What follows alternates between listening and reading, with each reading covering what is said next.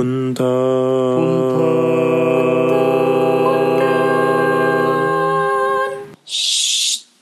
Jangan berisik. Kenapa? Ada yang baru.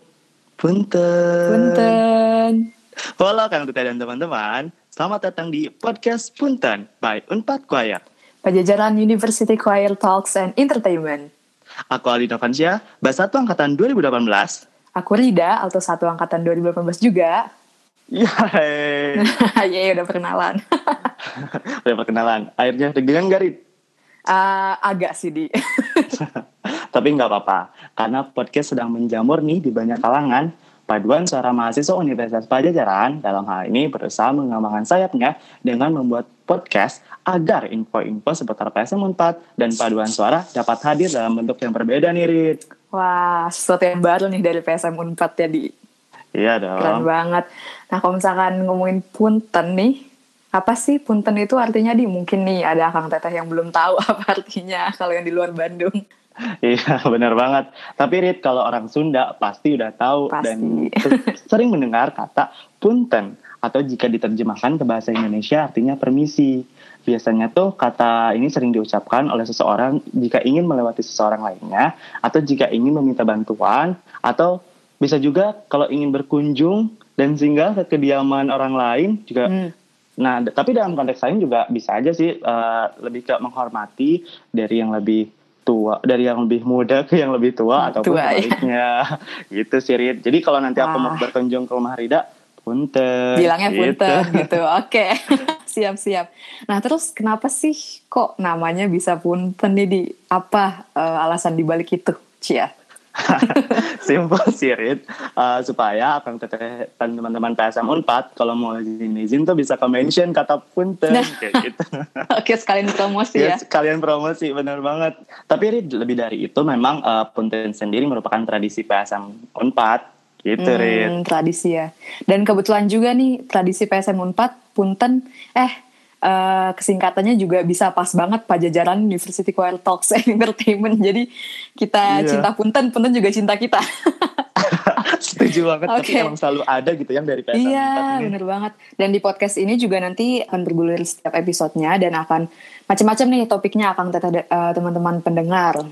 Akan ada yang membahas putar paduan suara, perihal karir juga, pencapaian dan masih banyak lagi topik-topik lainnya. Kayak gitu. Oke, Rit. Tapi di episode kita yang kali ini, kita akan berbincang-bincang dengan Akang alumni PSM Unpad. Tentunya Uh. kita akan berbicara banyak nih mengenai cerita sukses, cerita di PSM Unpad. Wih. Sama kita kepo-kepoin aja lah. Gitu, Iya, kayak seru banget nih. Ya, langsung aja kita panggil Kang Iben, Bas 2, Angkatan 2006. Halo Kang Iben. Halo Kang Iben. Selamat malam, punten Akang Teteh Sadayana. Sok marah rinding Kang itu. Punten eh Marah Karatakdung ya 2020. Wah, wah bukan Kang, bukan Kang. Oh, bukan. Beda ya. kalau Salah Kang, tempat. beda. Tapi mungkin Akang dan Tete dan teman-teman eh, pendengar podcast Punten ini belum mengenal nih siapa nih Kang Iben. Nah, jadi aku mungkin akan memperkenalkan Kang Iben ini. Jadi Kang Iben ini lahir di Banyumas tahun du- 1988 tanggal 24 Juli. Nah, saat ini eh, beliau sedang berperan sebagai operational manager di Bank Banking Industry Marketing Communication and Practitioner. Seperti itu. Dan prestasinya yang kami highlight di sini adalah ada tiga nih Akang Teteh dan teman-teman pendengar. Yang pertama itu Awardee of Adam Smith Excellence Scholarship. Yang kedua itu um, mendapatkan beasiswa S2 dari Business School University of Glasgow, Scotland, Inggris. Dan juga Awardee of Brilliance Scholarship program dari Bank BRI. merinding banget nih. Tapi kan ah, aku juga kepo nih mungkin ah, Akang Teteh dan pendengar podcast Punten lainnya juga sangat kepo nih Kang. Nah Kang kesibukan Akang ini tuh eh, apa aja nih Kang? Terus eh, mungkin ada yang belum tahu nih Akang ini sebenarnya nama Kang Iben itu apa dan Akang Iben ini sekarang tinggal di mana kesibukannya apa seperti itu Kang? Gimana nih Kang? Oke, eh, nama saya Ibnu Ismail. Jangan lupa follow aja.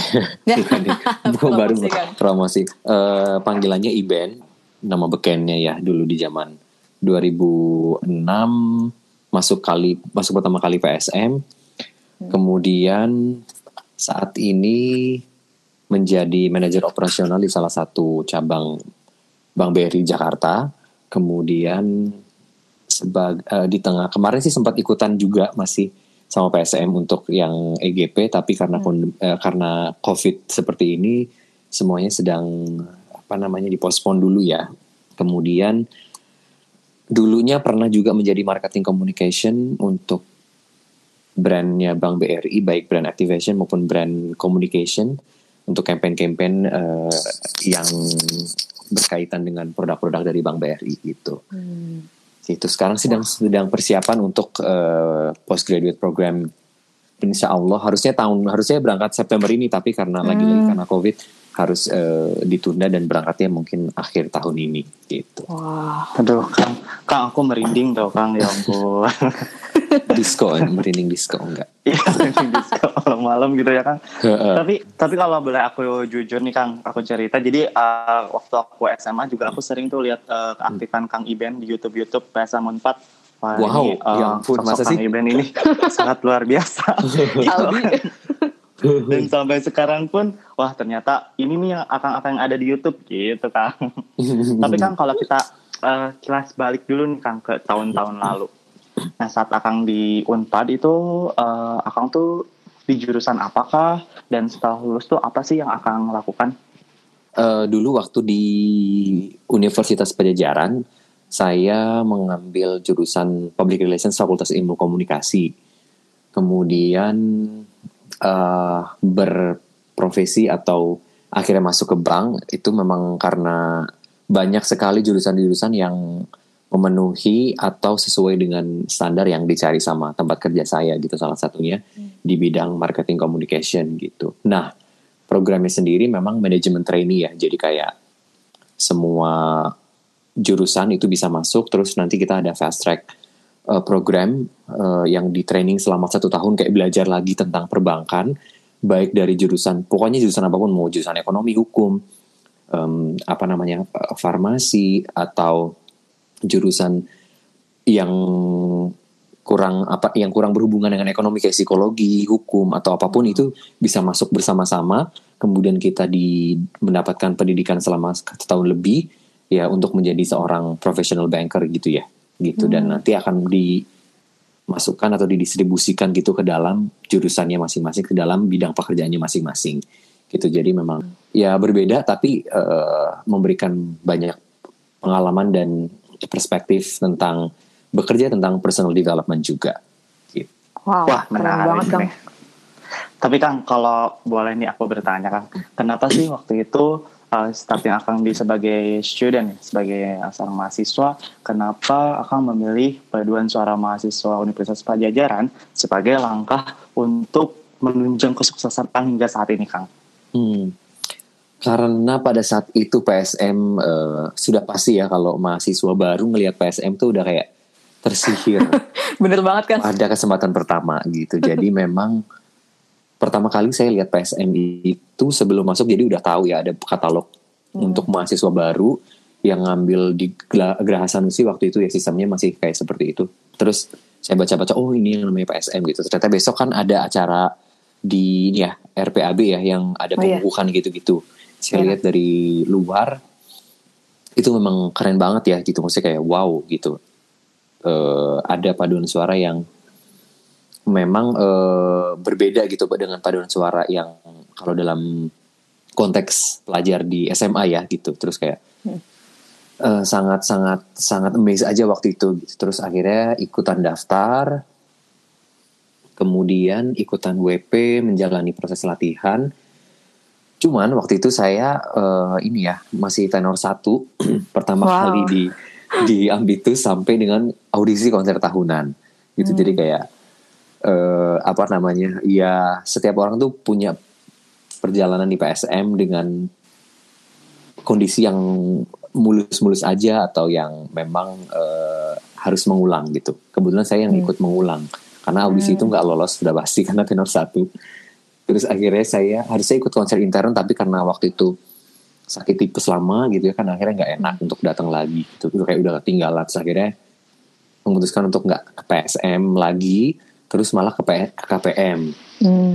gitu nah di KPM saya cukup banyak mendapatkan pengalaman sampai kayak sudah cukup nih dan ternyata berbeda saya rasakan antara baik pengalaman organisasi maupun uh, kekeluargaan gitu. Nah, yang saya lihat dari PSM sih sebetulnya adalah organisasi yang memberikan kesempatan kepada individunya untuk berkembang baik dalam bakat atau kemampuan uh, secara bernyanyi kan core atau inti dari kegiatan PSM itu bernyanyi ya?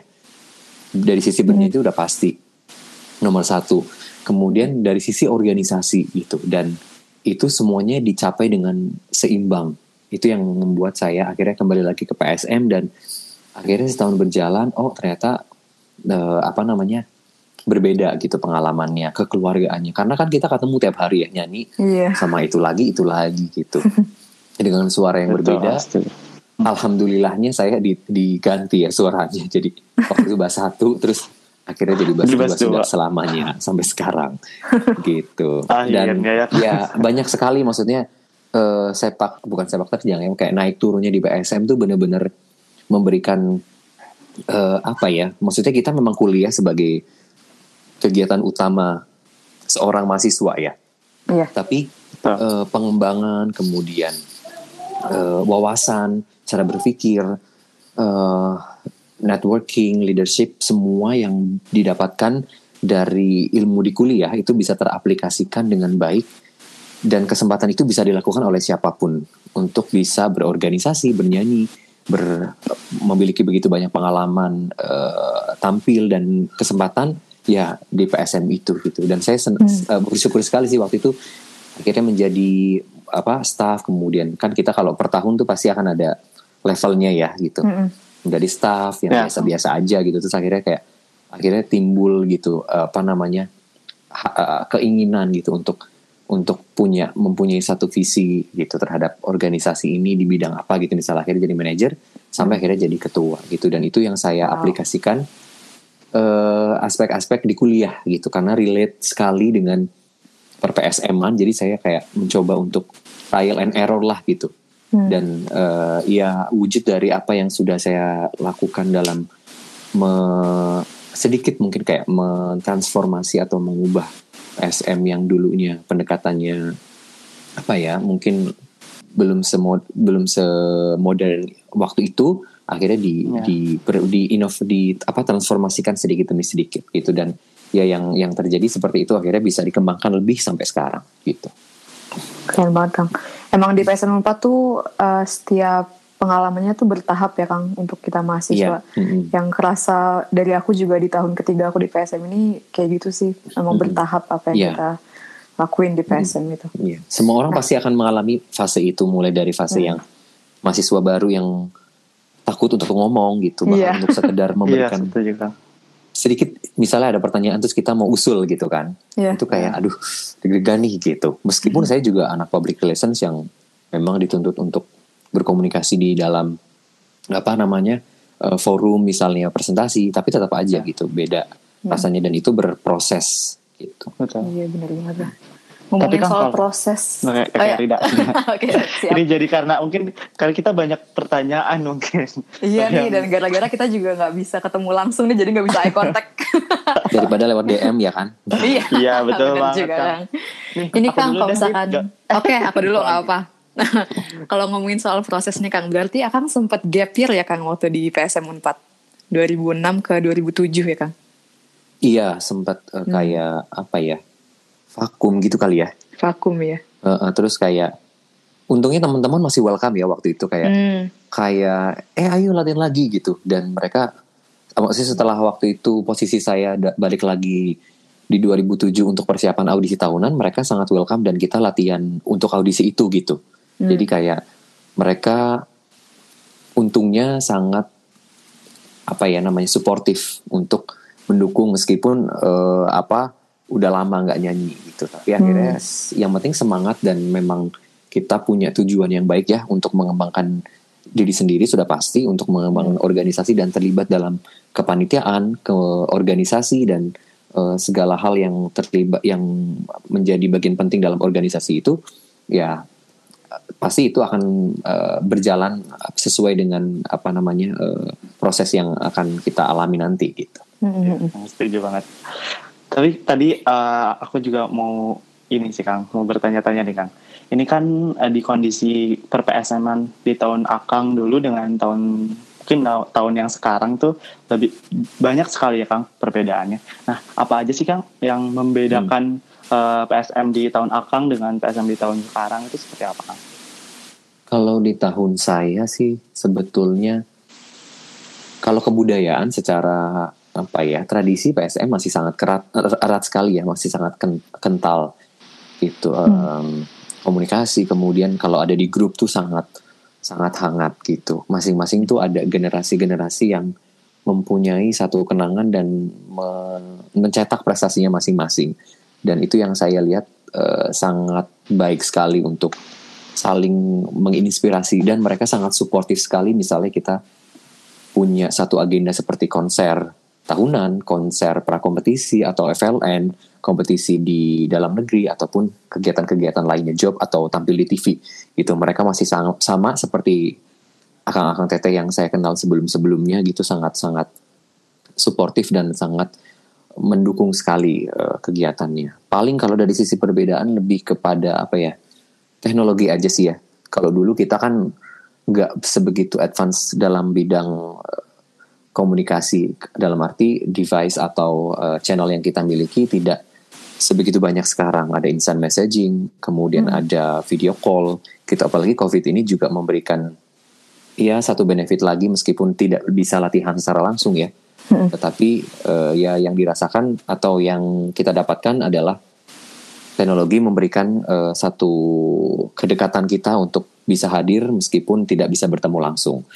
Gitu mungkin hmm dari situ uh, apa namanya lebih kepada sistem bertemu kemudian berinteraksi kalau hmm. sekarang lebih banyak lewat grup atau lewat uh, apa namanya channel teknologi gitu kalau dulu kan forum-forum langsung yang diadakan setiap hari setelah rapat kemudian sebelum latih mulai latihan itu kita hmm. ngobrol dan sebagainya mungkin ini salah satu salah satu hal yang perlu memberikan sebuah positif tetapi juga harus dilihat sebagai satu apa ya namanya dampak yang memang kita tidak bisa elakkan tetapi itu harus di dicari uh, sisi yang bisa mengcover itu maksudnya gini yeah. memang teknologi itu kita bisa jadi lebih dekat secara satu sama lain karena kecepatan yang begitu begitu apa namanya begitu mendekatkan seseorang hmm. gitu tetapi kadang karena kecanggihan teknologi atau ke ke apa teknologi yang sangat baik yang sangat cepat itu akhirnya kita jadi kurang berkomunikasi secara langsung kurang sering ya gitu dan hmm. representasi grup dalam sebuah media itu sebetulnya sebuah sarana kepada orang untuk lebih mendekatkan dengan berkomunikasi lebih aktif untuk menyapa akang tetehnya atau anggota yang ada dalam grup itu meskipun lintas angkatan sehingga pada saat bertemu itu tidak canggung lagi atau pada saat bertemu tetap sama-sama cair seperti pada saat berkomunikasi di uh, grup atau di uh, social media, instant messaging dan sebagainya gitu. Jadi sama hmm. gitu ya. Tinggal kita kita ubah aja mindsetnya sih. Hmm. Oke, okay, berarti dari sisi budaya mas sebenarnya nggak berubah banyak gitu ya Kang? Gak berubah banyak, cuma lebih kepada uh, media aja ya semua Medianya akses. ya. Iya semua Akang Teteh bisa mengakses informasi, bisa melihat penampilan PSM gitu lewat yeah. YouTube dengan kualitas yang baik gitu ya. Mm-hmm. Bisa lihat uh, live dan video lainnya yang bisa diupload di sosial media. Mm-hmm. Memang jadi nilai plus juga dan kita untuk uh, teman-teman angkatan mudanya nih mungkin uh, harus bisa mm -hmm. lebih merich akang tetehnya gitu ya kang iya betul karena kan ya memang itulah salah satu tujuannya ya maksudnya iya. media mm -hmm. itu untuk mendekatkan kita meskipun kita tidak bisa berada dalam satu situasi yang sama secara langsung mm -hmm. kalau ngomongin proses lagi nih kang kan dulu akan menjadi maba kepanitiaan di um, PSM 4 terus organisasi sampai akhirnya jadi ketua itu uh, dari staff dari menjadi staff sampai menjadi ketua itu apakah ada eh, hal-hal uh, yang cukup menarik gitu Kang untuk di share kepada kita dalam organisasinya atau kepanitiaannya gitu yang disuguhkan gitu istilahnya oleh hmm. PSM 4 apakah ada yang benar-benar uh, berkesan ya? iya berkesan banget gitu Kang Kalau berkesan banyak ya sebetulnya. Cuman hmm. pada saat kepengurusan saya sebetulnya saya itu ke apa ya mendapatkan satu kondisi bahwa organisasi PSM saat itu sudah lama tidak berkompetisi di luar negeri. Hmm. Itu jadi hampir yeah. tiap tahun di setiap kepengurusan ketua itu mereka akan-akan teteh ketua pada zaman itu memang sudah me membuat plan, membuat rencana untuk berangkat ke luar negeri kompetisi di Eropa atau Eropa ya rata-rata gitu. Nah, eh, kegagalan dari kalau nggak salah waktu itu 2004 sampai tahun 2010 saya dipilih jadi ketua tahun 2009 setelah hmm. eh, kita lomba terakhir itu waktu itu menang dikti dengan harapan jadi lomba dikti ini waktu itu hadiahnya adalah diberangkatkan ke Guangzhou Cina gitu. Wow. Jadi juara satunya dikti ini nanti akan mengikuti kompetisi mewakili Indonesia di Guangzhou tahun 2009 atau 2010 saya lupa gitu. Hmm. Sampai akhirnya uh, kompetisi tersebut uh, keperaturan tersebut yang disampaikan oleh uh, Dikti itu berubah hmm. gitu dan tidak jadi atau tidak bisa memberangkatkan uh, paduan suara yang menjadi juara pada saat itu untuk ber kompetisi di luar negeri. Sistem itu tidak ada gitu. Hadiah itu akhirnya berubah menjadi uh, uang saja gitu. Tapi itu juga prosesnya hmm. panjang untuk akhirnya kita bisa mendapatkan gitu hak tersebut. Karena kan pada saat hadiahnya tidak ada, orang-orang bertanya dong, akhirnya gimana nih gitu? Apakah hmm. kita di mendapatkan uang tersebut dalam bentuk sponsorship atau seperti apa gitu? Akhirnya hmm. setelah audiensi berkali-kali kita bisa mendapatkan itu gitu. Nah di luar dari itu kita juga harus kita juga apa ya namanya ada masalah internal yang harus diperbaiki baik dari persiapan atau komunikasi dengan pihak universitas kemudian persiapan dengan uh, panitia itu sendiri untuk terutama sponsorship ya gitu. Karena yeah. tahun 2009 itu udah berarti udah berapa lama ya? Hampir sekitar enam tahun. Kompetisi itu 2010 jadi saya waktu itu duduk sebagai ketua udah hampir di pengurusan terakhir. Maksudnya udah di peng, udah di akhir kuliah sorry. Maksud saya di akhir kuliah udah mau lulus. Itu terus akhirnya saya dibebani untuk jadi ketua. Dan waktu itu karena saya mikir udah mau lulus dan dibebani di apa diberikan kepercayaan untuk menjadi ketua saya mikirnya nggak boleh menyanyiakan dan harus mempunyai satu tujuan yang sama merangkul akang teteh dan teman-teman semuanya untuk satu visi dan akhirnya merubah banyak e, cara berorganisasi sampai akhirnya kita bisa berangkat FLN. Memang sebetulnya wow. FLN itu nggak jadi sebuah tolak ukur ya. Ya, gitu. Tetapi uh, itu cukup cukup berat gitu untuk menjalani program itu gitu karena itu tadi gitu uh, evaluasi dari tahun ke tahun itu apa sih yang membuat PSM ini gagal gitu. Mulai dari hmm. yang itu tadi faktor internal kemudian faktor persiapan saya rombak akhirnya saya melakukan evaluasi dengan teman-teman kita rombak mulai dari proposal itu kita ganti semuanya terus channel untuk uh, networking dalam hal ini misalnya kita bekerja sama dengan TSM waktu itu banyak sih ada TSM hmm. ada IP ada uh, Citylink atau apa gitu saya lupa. Pokoknya beberapa mall.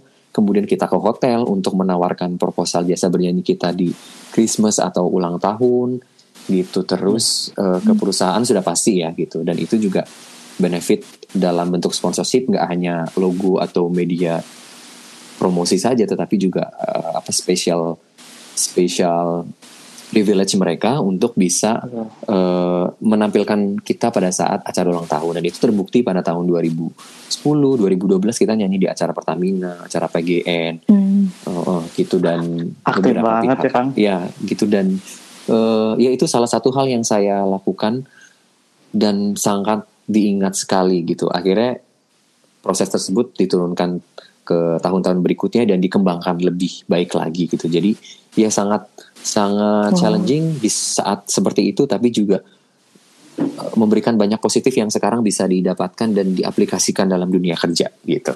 Hmm. Wah, setuju banget nih.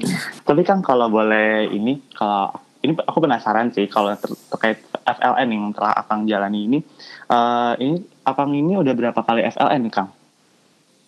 FLN berapa ya? Banyak ya. Sering sekali ya. Oh, enggak, enggak, enggak, enggak. Aku sempat saya sempat enggak ikut juga kok. 2000 yeah. berapa ya enggak ikut? 2013. Berarti 2010, 2012, 2015 ke Maribor, 2017 kemarin ke Spital, yang 2019 kemarin ke Arezzo.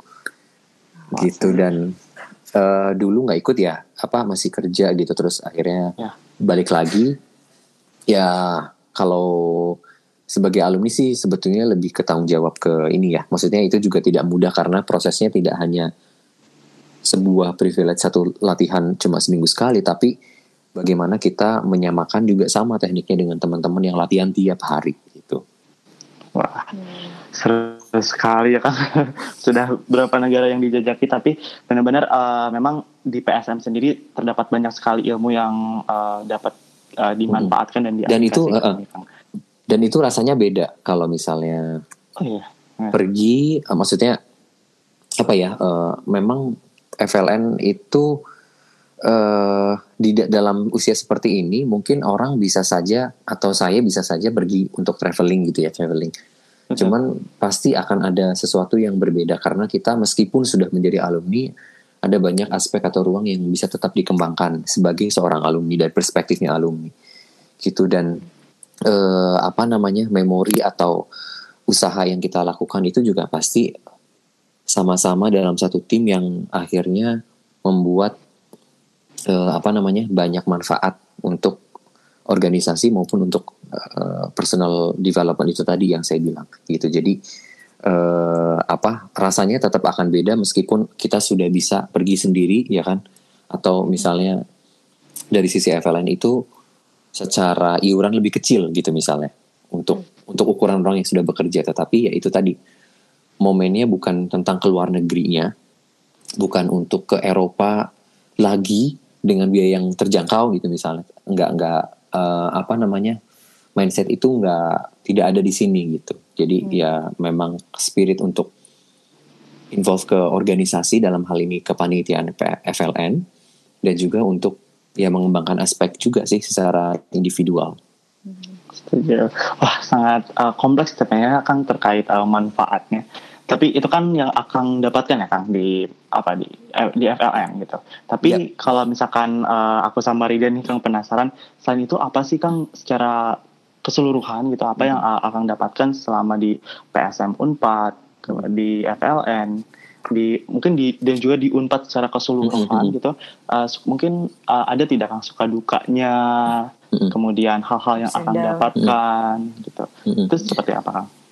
Kalau suka duka sih sudah pasti ya kalau Hmm. PSM itu kan hampir mengalahkan jadwal kegiatan kuliah. Iya kan? Jadi kita kerjanya di PSM Iya, gitu. eh, apa namanya? Kadang ya harus pinter-pinter sih dulu waktu zaman saya yang begitu ba- banyak sih sekali. Banyak sekali manfaat-manfaat yang nanti saya share. Eh, kalau dibilang dari sisi kesusahan ya itu tadi ya. Begitu dulu jarak Jatinangor Bandung itu nggak nggak ada travel.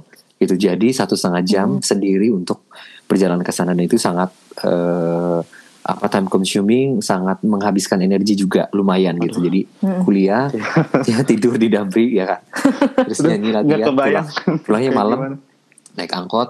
Dan dulu jarang yang bawa punya mobil sedikit Hmm. banget. Paling cuma Ya. satu orang itu pun cuma sebulan sekali biasanya gitu. Oh, jadi rata-rata naik angkot pulang malam gitu. Ya. terus harus tugas dan sebagainya itu tinggal bagaimana kita memanage gitu. Karena memang pasti akan ada yang dikorbankan ya gitu. Hmm. Eh, saya jarang akhirnya kita memang jadi eh, apa namanya ya kayak jarang main untuk dengan teman-teman kampus gitu ya. Tapi kan kita memang ada sesuatu yang didapatkan gitu toh. Eh, ini jauh lebih bermanfaat gitu. Tinggal tinggal setiap orang mau memilih be- benefit mana yang mau dia dapatkan gitu kan.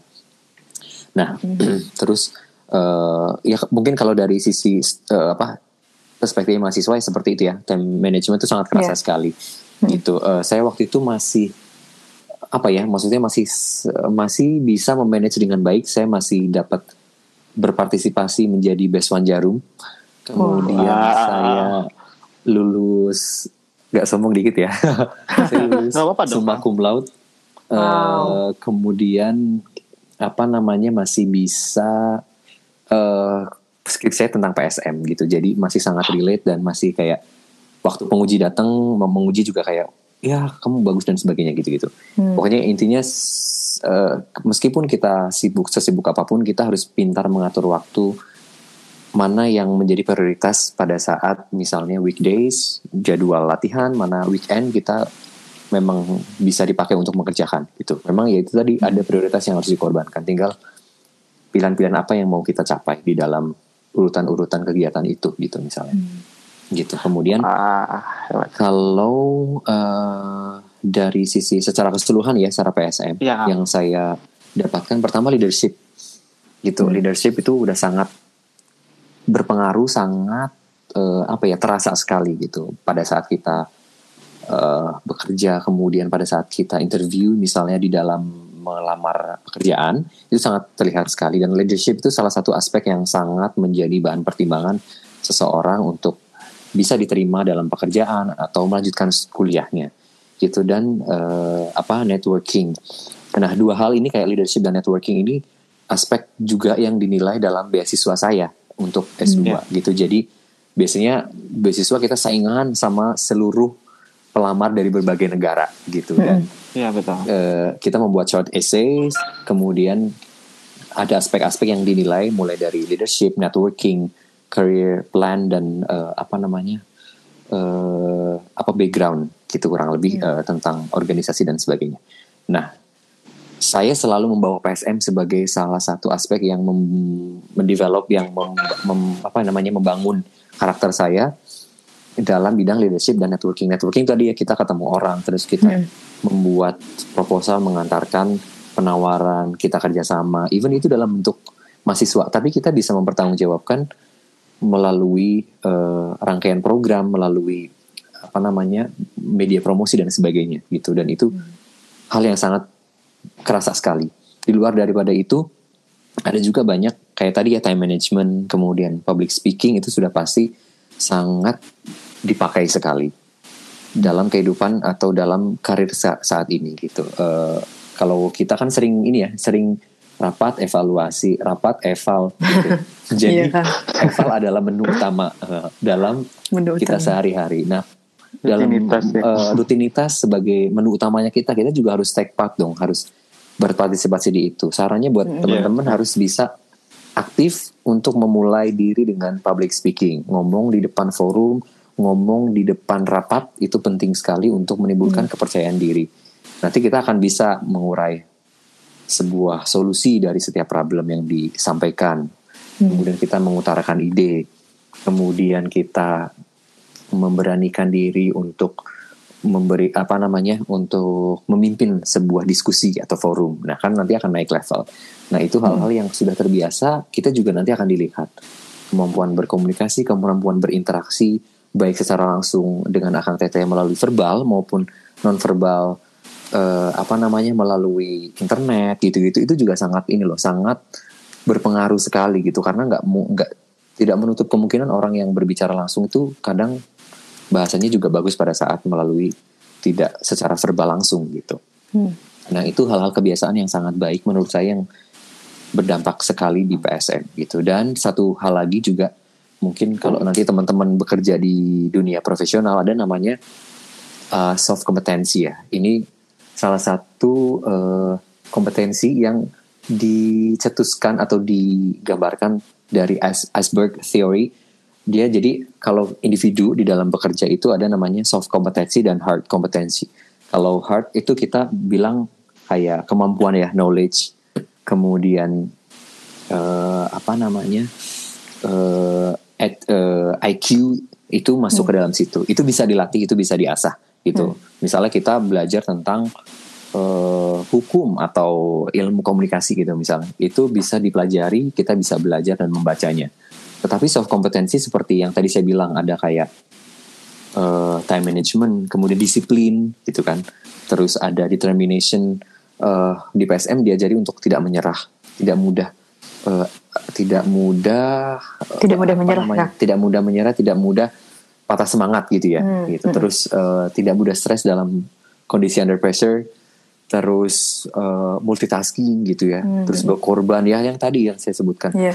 ya kan berkorban waktu dan sebagainya itu yang akhirnya mengasah atau mem, menjadi dasar gitu karakter seseorang makanya kadang kan kita bisa ngelihat kayak individu ini berkarakter atau enggak. Nah, itu salah satunya yang ditempa, hmm. yang dilatih berkali-kali bertahun-tahun dijalani yang menjadi dasar uh, karakter sebuah individu. Itu itu yang saya uh, apa ya namanya menjadi menjadi satu nilai yang bisa saya bawa sekarang dan itu terpakai dalam konteks ini juga penilaian di dalam bekerja gitu. Jadi ada hmm. namanya indikator untuk memberikan penghargaan kepada pekerja itu dari sisi hard kompetensi dan soft kompetensi. Nah, itu dua komponen yang disatukan untuk akhirnya dinilai oh individu ini dia prestasinya atau indikator pencapaiannya tahun ini apakah excellence atau biasa aja gitu. Hmm. Gitu kurang okay. lebihnya ya. Baik dari PSM, FLN dan kepanitiaan yang lain. Wah, luar biasa nih Kang, aku merinding ternyata Kang Idi, Kang Iben ini adalah senior uh, Beson Jarum ya Kang. Aduh, oh, iya.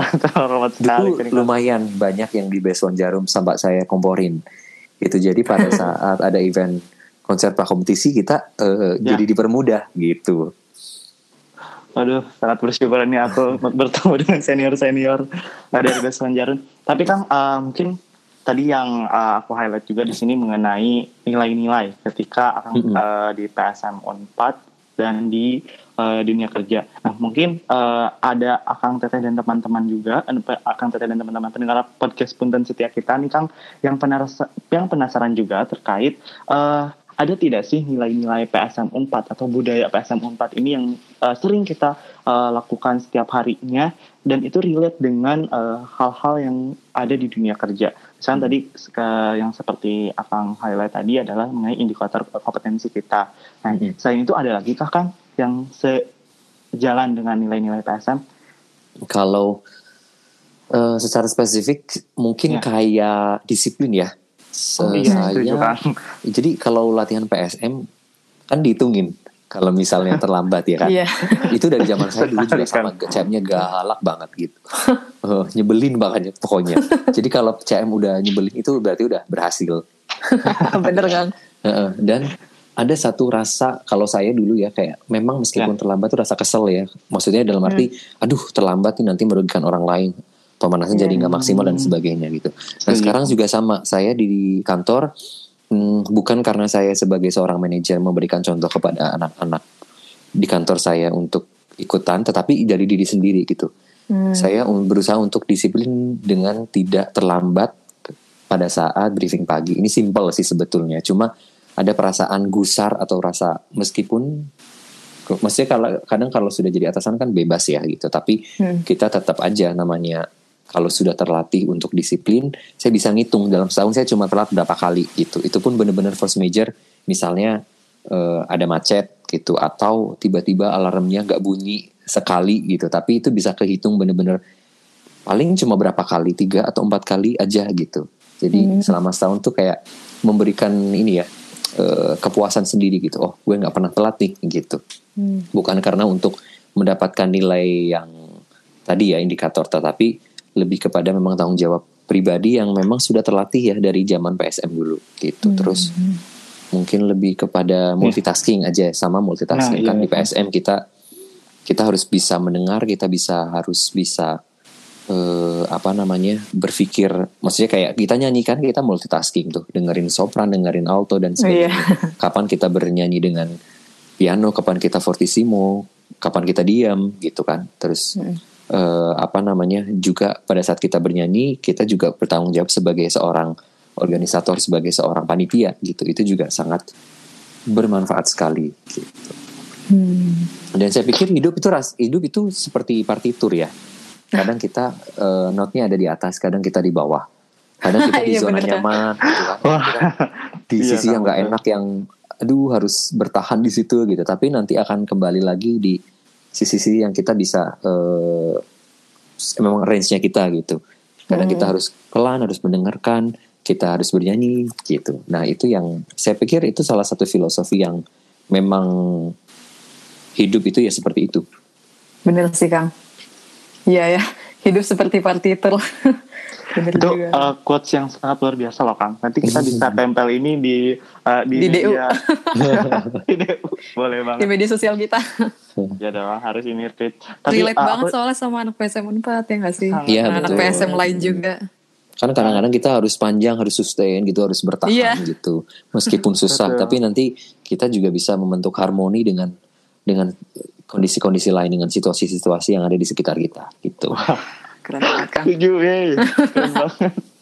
Kang, eh, tapi aku setuju banget sih dengan eh, Kang Iben. Tadi Kang Iben ini sangat luar biasa selain eh, aktif di PSM sebagai ketua, sering aktif di FLN juga, penerima besan jarum, IPK bagus. So ini udah perfect sekali lah Kang Iben ini sudah menjadi role model bagi PSM 4. Iya bener banget.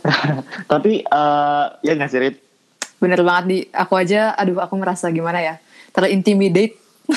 Intimidasi banget Semua orang punya eh, apa namanya bisa menjadi versi terbaik dari dia dan Hmm. semua orang bisa me- melan- menginspirasi orang lain gitu. Jadi Hmm, ya kita ambil yang baik. Oke siap Betul, siap Kak. siap. Oke, Rida semangat. Kita masih ada beberapa semester lagi. Ayo, semangat. Iya di, aduh Iya semangat dong. di, semangat di PSM 4 juga di. Semangat harus. Harus semangat. banget. Oke deh Kang, kalau misalkan kita ngomongin eh, work life-nya Akang nih, kan sekarang berarti Akang lagi bekerja di BRI kan Kang Iya, sebagai betul. operational manager. Mm-mm. Nah itu eh, apakah ada kegiatan lain juga Kang selain kerja yang eh, relate gitu sama PSM 4 juga atau relate sama nyanyi gitu Kang? Kalau sama PSM Unpad, BRI sih seba, sejauh ini jadi sponsor ya untuk PSM Oh iya, Unpad kemarin ya, Kang. FLN Iya yang 2000 2019 ya Kang? apa ya 2019 Eh bukan ya? 2000 Oh, iya. lim- eh 2019 2017 waktu saya jadi Hmm. panitia juga di 2012 sama 2010 Ah, itu dulu awalnya kenapa saya pengen B- kenapa saya masuk BRI itu juga karena tahun 2010 saya sebagai jadi saya ketua tapi juga sebagai koordinator marketing ya karena saking oh saking double orang job gitu Kang? Mm-mm. Heeh. ketua PSM tapi jadi jadi koordinator marketing Wow. akhirnya saya Multitasking. bekerja eh saya mengurus proposal salah satunya ke BRI dan mendapatkan Hmm. eh, sponsorship lumayan lumayan banyak waktu itu saya Hmm. ketemu sama orang eh, apa namanya salah satu staffnya waktu itu dan akhirnya ketemu lagi beberapa bulan yang lalu kemarin dan kita masih ingat oh, Oh. iya dulu kamu yang eh, ngajuin ya iya pak saya yang ngajuin gitu akhirnya sekarang Ketemu lagi. kerja di tempat yang sama gitu Wow. Nah, eh, untungnya sekarang di BRI ini juga salah satu perusahaan yang milenialsnya juga cukup banyak sekarang. Hmm. Itu 80% dari pekerja kami itu eh, millennials dan Hmm. sekarang ada salah satu pendekatan di kita namanya work life balance. Itu salah satu eh, pendekatan ya di mana terminologinya adalah untuk memberikan satu kebebasan kepada para pekerjanya untuk bisa menyalurkan hobi atau minat melalui aktivitas-aktivitas dalam bidang seni, olahraga, atau Hmm. organisasi lainnya gitu. Nah, Hmm. beberapa di antaranya komunitas apa nah, beberapa di antaranya kegiatan ini disebut dalam bentuk komunitas atau Hmm. UKM lah kalau bahasa Kayak UKM mahasiswanya ya, tuh. iya ya. Hmm, Jadi semua pekerja baik dari Jakarta ini, Jakarta Utara, Jakarta Barat, Wah. Depok dan sebagainya bisa ikutan sepanjang masih bisa me- datang gitu ke tempat latihannya. Hmm. Ke tempat latihannya di, di tempat kami bekerja di kantor pusat itu gitu dan komunitas-komunitasnya ada dari mulai paduan suara atau choir namanya Brilliant Voice, kemudian Hmm. ada sepedaan, kemudian lari, eh, badminton, tenis, dance, eh, apa namanya banyak lah ada 20-an gitu dan itu ada aplikasinya. Mereka tinggal daftar Hmm. untuk masuk, untuk join jadi member, untuk ikutan gitu dan kemarin kita beberapa kali Brilliant Voice ini lomba di beberapa kompetisi yang diselenggarakan sama lembaga keuangan Hmm. tahun 2019 ke waktu itu jadi eh 2018 deh waktu itu jadi juara satu sama Wih. terakhir kemarin world eh, enggak sih virtual choir gitu ya yang diselenggarakan di Bandung itu juara satu Hmm. juga gitu Wah. dan untungnya sih Wah. ada komunitas ini yang memang dibangun untuk menyelaraskan atau menyeimbangkan lah gitu istilahnya Hmm. eh, rasa kreativitas daya kreativitas dan inovatif dari teman-teman eh, dari tempat rekan-rekan saya bekerja ini agar mereka nggak stres-stres amat gitu kan Hmm. kerja tuh ngurusin target ya kan Betul nggak? harus laba laba turun diomelin Ya. jadi eh, biar balance kita harus punya activity atau punya aktivitas yang bisa mendukung itu tadi Hmm, daya kreativitas gitu terus sesuai dengan passionnya kita Ah, kerja sambil nyalurin hobi ya Kang. Mm-mm, betul. sambil nyanyi seru nih banget. kalau buat Kang. Eh, Berarti, Biar tetap eh, eksis juga gitu. Iya. Kang. Berarti selain festival luar negeri juga Akang aktif bernyanyi di Brilliant Voice ini ya Kang? Eh, aktif ya, eh, tapi tetap dalam kapasitas, kapasitas eh, sebagai pekerja sebagai manajer operasional. Eh, memang nggak sama sih sebetulnya jobnya juga banyak ya kayak eh, misalnya ada apa ya event launching gitu atau event gathering atau conference gitu misalnya itu kita mengisi dari Brilliant Voice itu sendiri kayak teman-teman aja waktu itu kita pengukuhan gitu misalnya Hmm. Nah itu yang ikutan ya yang di situ gitu. Siapa yang bisa, siapa yang enggak gitu-gitu. Jadi bener-bener kayak itu.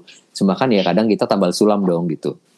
Ada surat dispen juga sama gitu. Oh. Jadi bener-bener kayak wah ini kayak dulu gitu. Cuma Kayak dulu. ya memang konteksnya bukan seorang bukan sebuah paduan suara yang profesional ya. Kami tetap Hmm. bisa eh kami tetap maksudnya ada batasan gitu. Hanya memang anggota-anggotanya suka bernyanyi.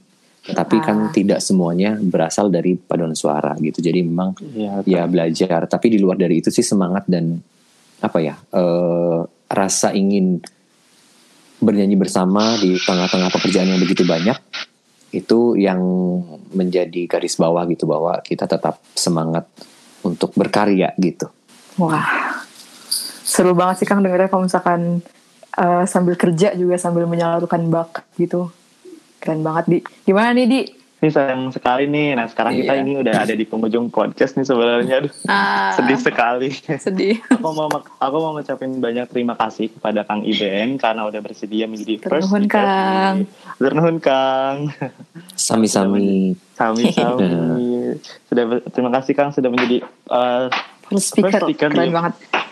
podcast Punten episode pertama. semoga Pasti- banyak responnya Amin Kang. Eh, Semoga amin, baik. amin, amin.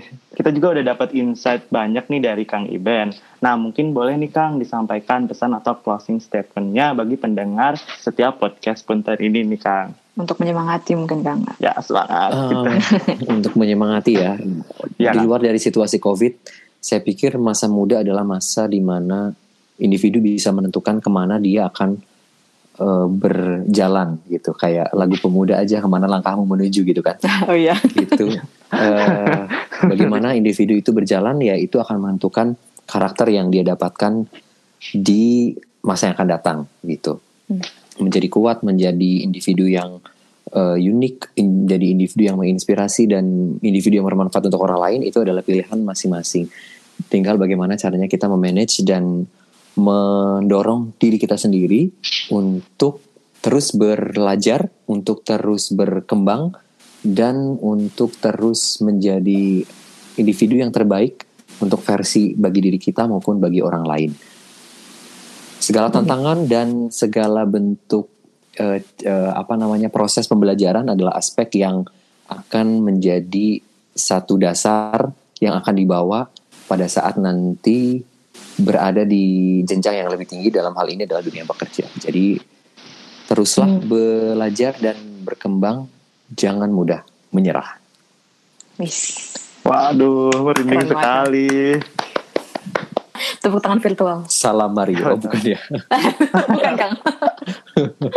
Bukan dong, Kang. Silakan. Oh ya Oke. mungkin Kang kalau misalkan ada Akang Teto dan teman-teman pendengar nih apalagi untuk teman-teman yang ingin merich Kang Iben bisa lewat mana nih Kang?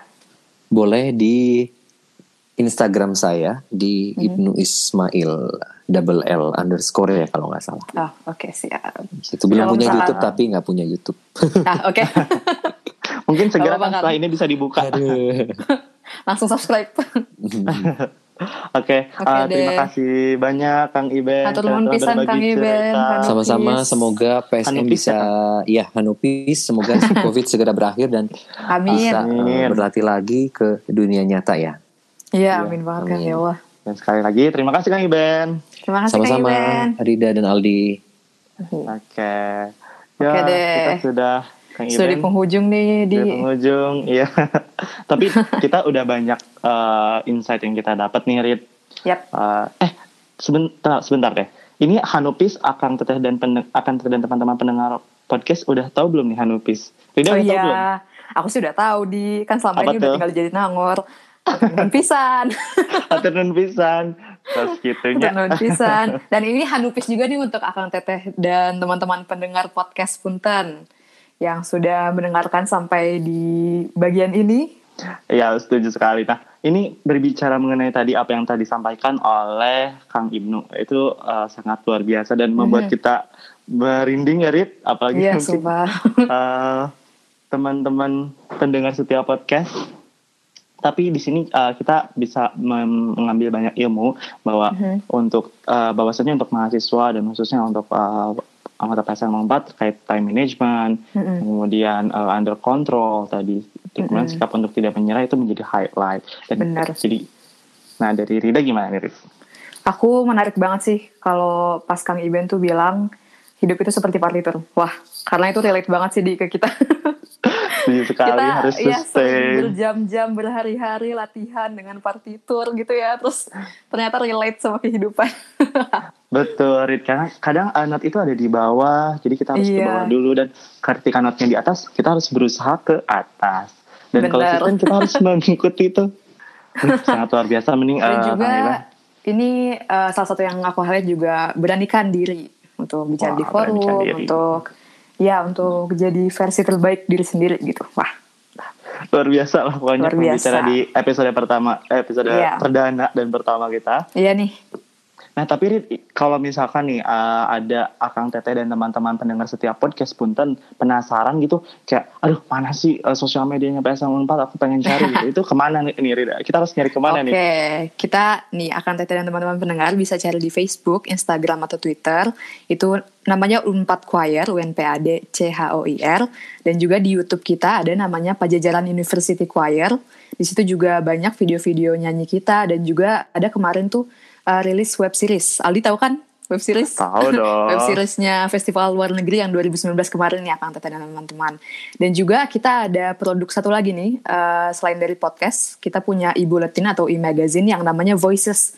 Itu ada di platform issue, issuu.com. Nah, di situ juga Kang Teteh dan teman-teman bisa membaca voices-voices kita dari edisi 1 sampai kemarin itu kita udah eh, upload lagi, udah rilis di edisi ke-9 gitu. Dan Wow. juga banyak banget ya di Banyak dan banget. juga Oh, kalau misalkan Akang. Teteh dan teman-teman pendengar eh, pengen ngepoin tentang produk-produk yang kita produksi nih bisa dilihat di Instagram Unpad Choir Goods gitu. Wah banyak sekali memang produknya itu. Aku aku dengar ada masker, Iya. ada ya ampun itu keren banget sih PS4. ada tote bag, ya. Ada Bisa aja ya dicek. PS4. Oke, mungkin sekian podcast perdana kita hari ini bersama kami Ben, aku Aldi. Aku Rida. Hatur nuhun, akan teman-teman. Dadah.